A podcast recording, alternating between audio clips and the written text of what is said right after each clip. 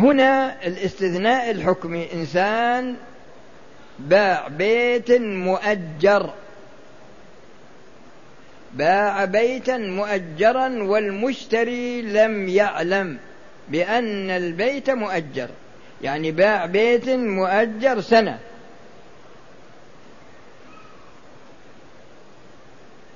فهذا سميناه استثناء حكميا لأن البائع لم يشترطه بلفظه وإنما كان بحسب الواقع وإنما كان بحسب الواقع. فهذه القاعدة موضوعة لبيان أن الاستثناء الحكمي هل يجري مجرى الاستثناء اللفظي على التفصيل الذي سبق. القاعدة التي بعدها القاعدة الرابعة والثلاثون استحقاق منافع العبد بعقد لازم يمنع من سريان العتق. هذه مسألة العبيد ما لها الآن ما لها يعني فروعها ما هي موجودة الآن. القاعدة الخامسة والثلاثون. من ملك منفعة عين بعقد ثم ملك العين بسبب آخر هل ينفسخ العقد الأول أم لا؟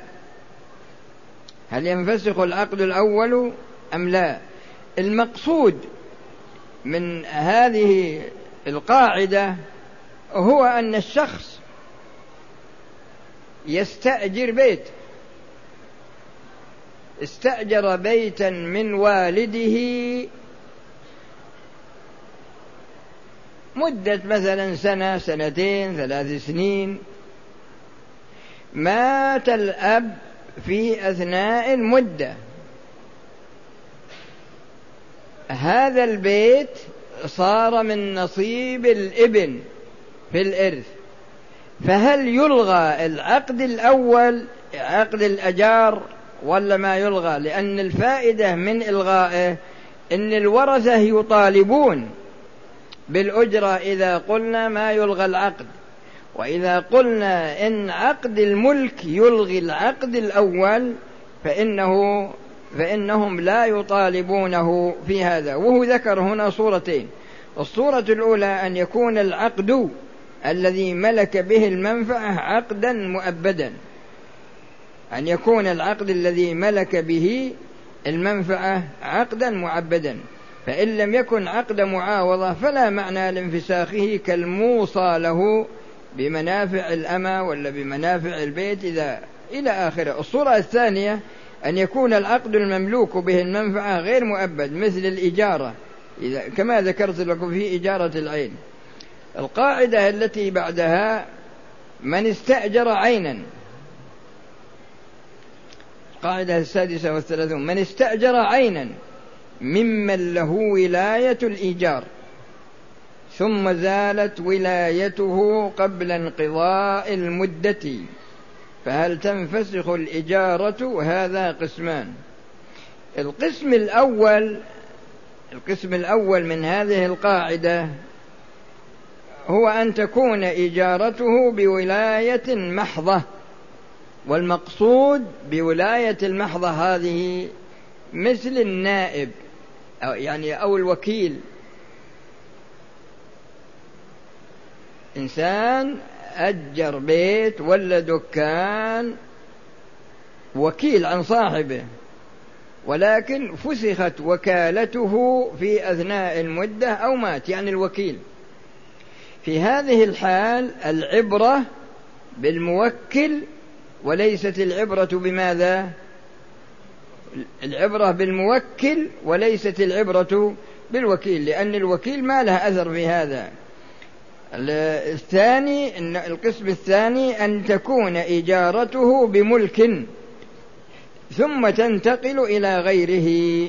وهذه لها تفاصيل كثيرة لكن نجعلها بداية الدرس القادم إن شاء الله. يعني تكون القاعدة السادسة والثلاثون هي بداية الدرس القادم. والسلام عليكم ورحمة الله وبركاته. في أسئلة؟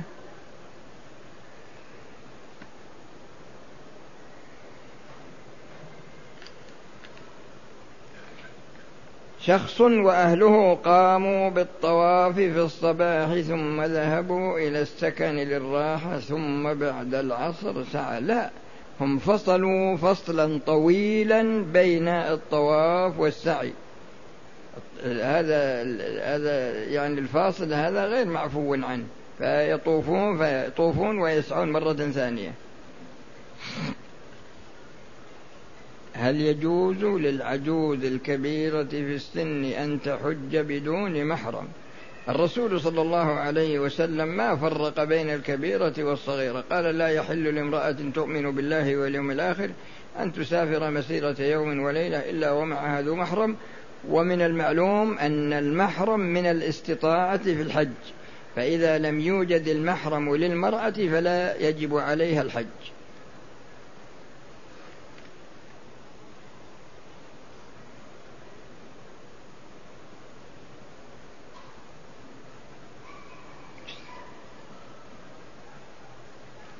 هذا يسأل عن الطلاق والطلاق يراجع المحكمة.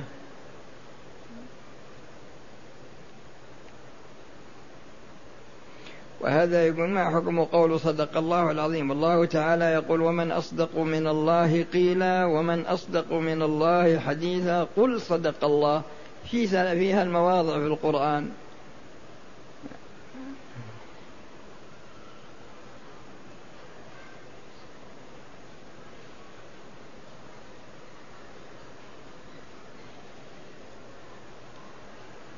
إيه فاضي هذا. أنا أخذت عمرتي وحليت إحرامي ونسيت أن أقصر وقصرت بعد لبس ثيابي. إذا منك قصرت في نفس اللحظة التي ذكرت فيها ما عليك إن شاء الله شيء.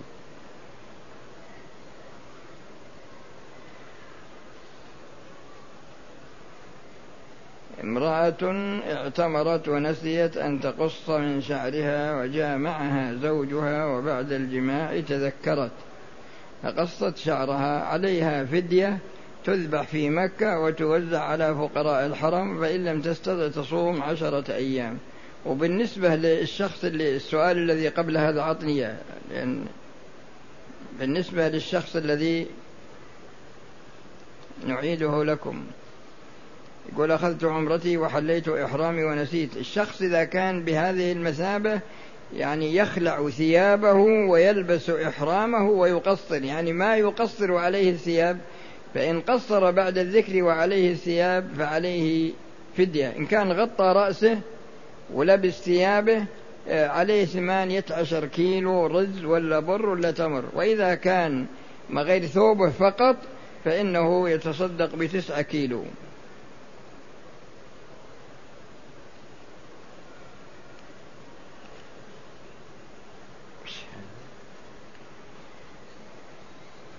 إذا وجد الرجل شخصا مع امرأته وقتله يروح للمحكمة. عندنا أرض وما زالت ملك لوالد والد والدي والهدف من ذلك تحريم حقوق النساء من الميراث. وإذا قد إيش؟ لأجل تقسيمها يحصل ضرر وفتنة ربما على كل حال هذه مرجعها المحكمة.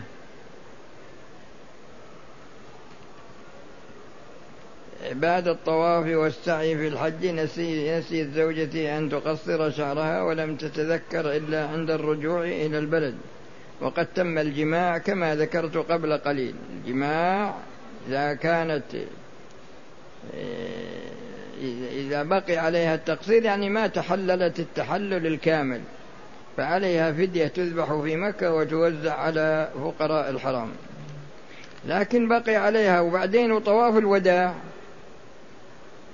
ما طافت الوداع لأن طواف الوداع ما يصح إلا بعد التقصير. فعليها فدية في طواف الوداع وعليها فدية في في مسألة الجماع وعليها أيضا التقصير.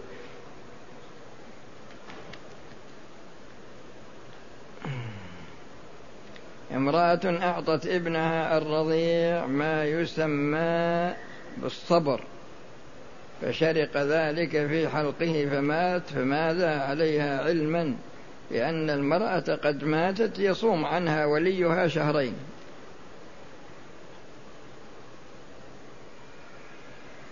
هل يجوز؟ هذا؟ فاضي هذا لوكس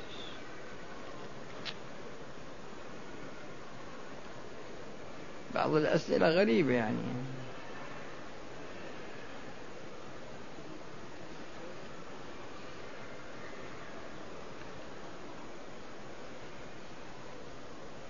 وهذا يقول انتشرت قطيعة الأرحام. هل من توجيه؟ على كل حال صلة الرحم القاعدة العامة فيها أنك تصل رحمك بقدر قربهم منك في الميراث. يعني تنزلهم من ناحية البر والصلة على قاعدة الميراث. والذين لا يرثون وهم مثلا إلا في يعني في حالة متأخرة مثل ذوي الأرحام هذول لا يرثون مع وجود مثلا العصبة وما إلى ذلك فأنت يعني تنزل كل واحد على حسب منزلته في الميراث. حملت امرأة وبعد أسبوعين من الحمل قرر الزوج والزوجة إسقاط الحمل. ما هو السبب في الإسقاط؟ يعني يبون علشان استمرار الجماع ولا يخافون من نفقته؟ ولا وش هذا ما يجوز لهم هذا العمل.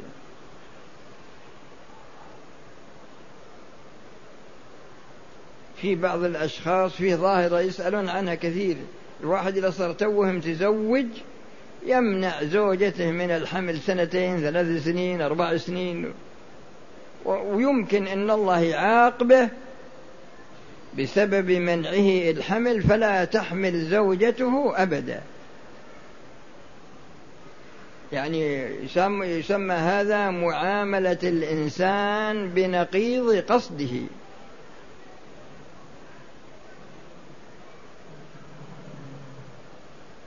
وهذا يسأل عن التدليس في التابعيات والجوازات. و... يعني ينتحل شخصية ما هي بشخصيته أو ينتحل تابعية بلد ما هي ببلده وما هذا كله داخل في الغش. من غشنا فليس منا.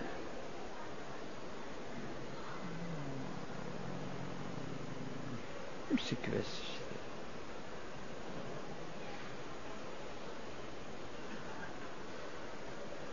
هذه هذه اللي أنت أعطيتني تو.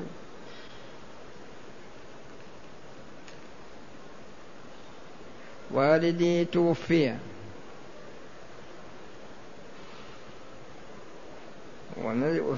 فتصدقت عنه. ما أدري إيش هذه. كتابة ضعيفة مرة. على كل حال إذا مات الميت فتركته المقدم فيها وفاء الدين. ثم تنفيذ وصيته الشرعية وما بقي بعد ذلك فهو للورثة على حسب منازلهم في الميراث. امرأة سوف يأتي معها ابنها في رمضان ويتركها ويسافر ولكن لها ابن آخر سوف يصطحبها في الحج. فهل ينفع حجها مع إذا حجت مع الإبن الآخر؟ هذا يكون محرم لها لكن المشكلة بقائها بدون محرم هذا المشكل يعني تبي تبقى رمضان وشوال وذي القعدة كلها بدون محرم. أثناء الصلاة في مكان يمكن. منه رؤية الكعبة. هل يكون أن تنظر إلى محل سجودك؟ ما تنظر إلى الكعبة؟ رجل نسي الجهر بالتسليم. إذا سلمت بحيث أنك تسمع نفسك يكفي.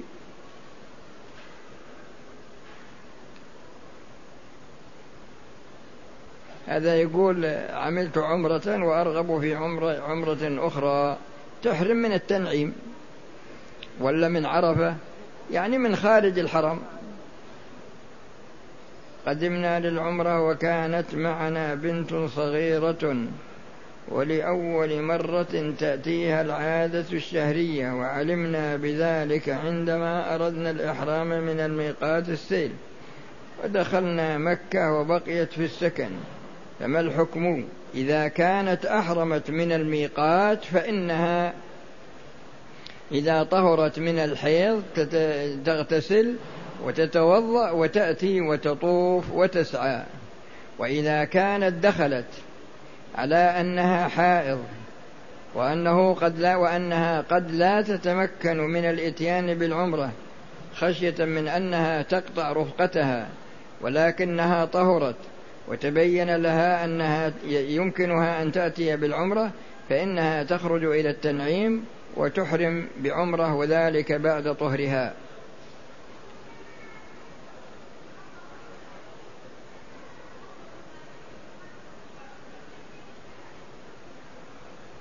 وهذا يقول بالنسبة لسؤال المرأة قلت إن عليها فدية أخرى لطواف الوداع فهل يجب للعمرة؟ لا إذا كانت عمرة لا ما عليه شيء لكن إذا كان الطواف الوداع للحج. أما العمرة لا. سبب إسقاط الجنين بعد أسبوعين كثرة الأولاد. لا ما يجوز هذا يا أخي. ما من مولود إلا يولد رزقه معه.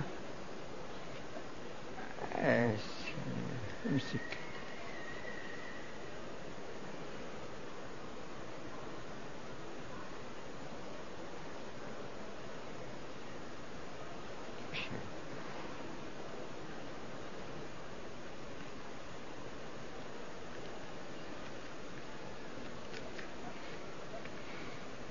صليت في الحرم وأثناء الصلاة مرت من أمامي امرأة. يا أخي المرور بين يدي المصلي في الحرم يعتبر من الضرورات.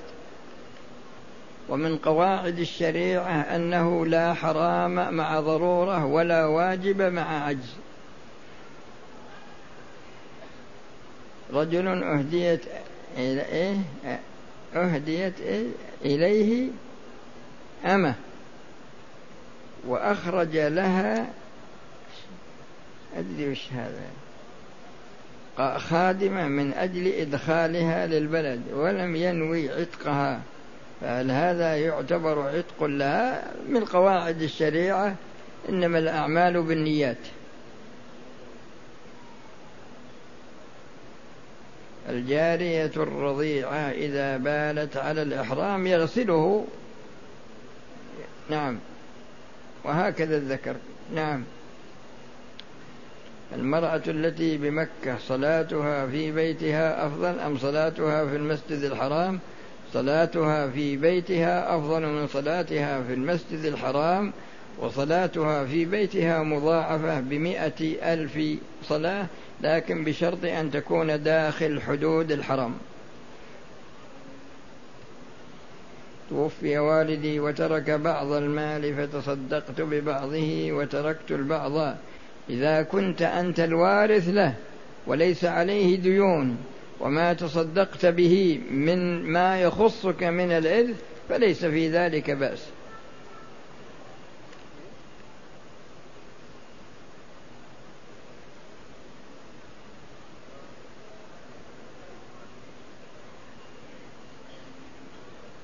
ما في بعضهم ما ما يعرفون يكتبون. خلاص؟ السلام عليكم ورحمة الله وبركاته.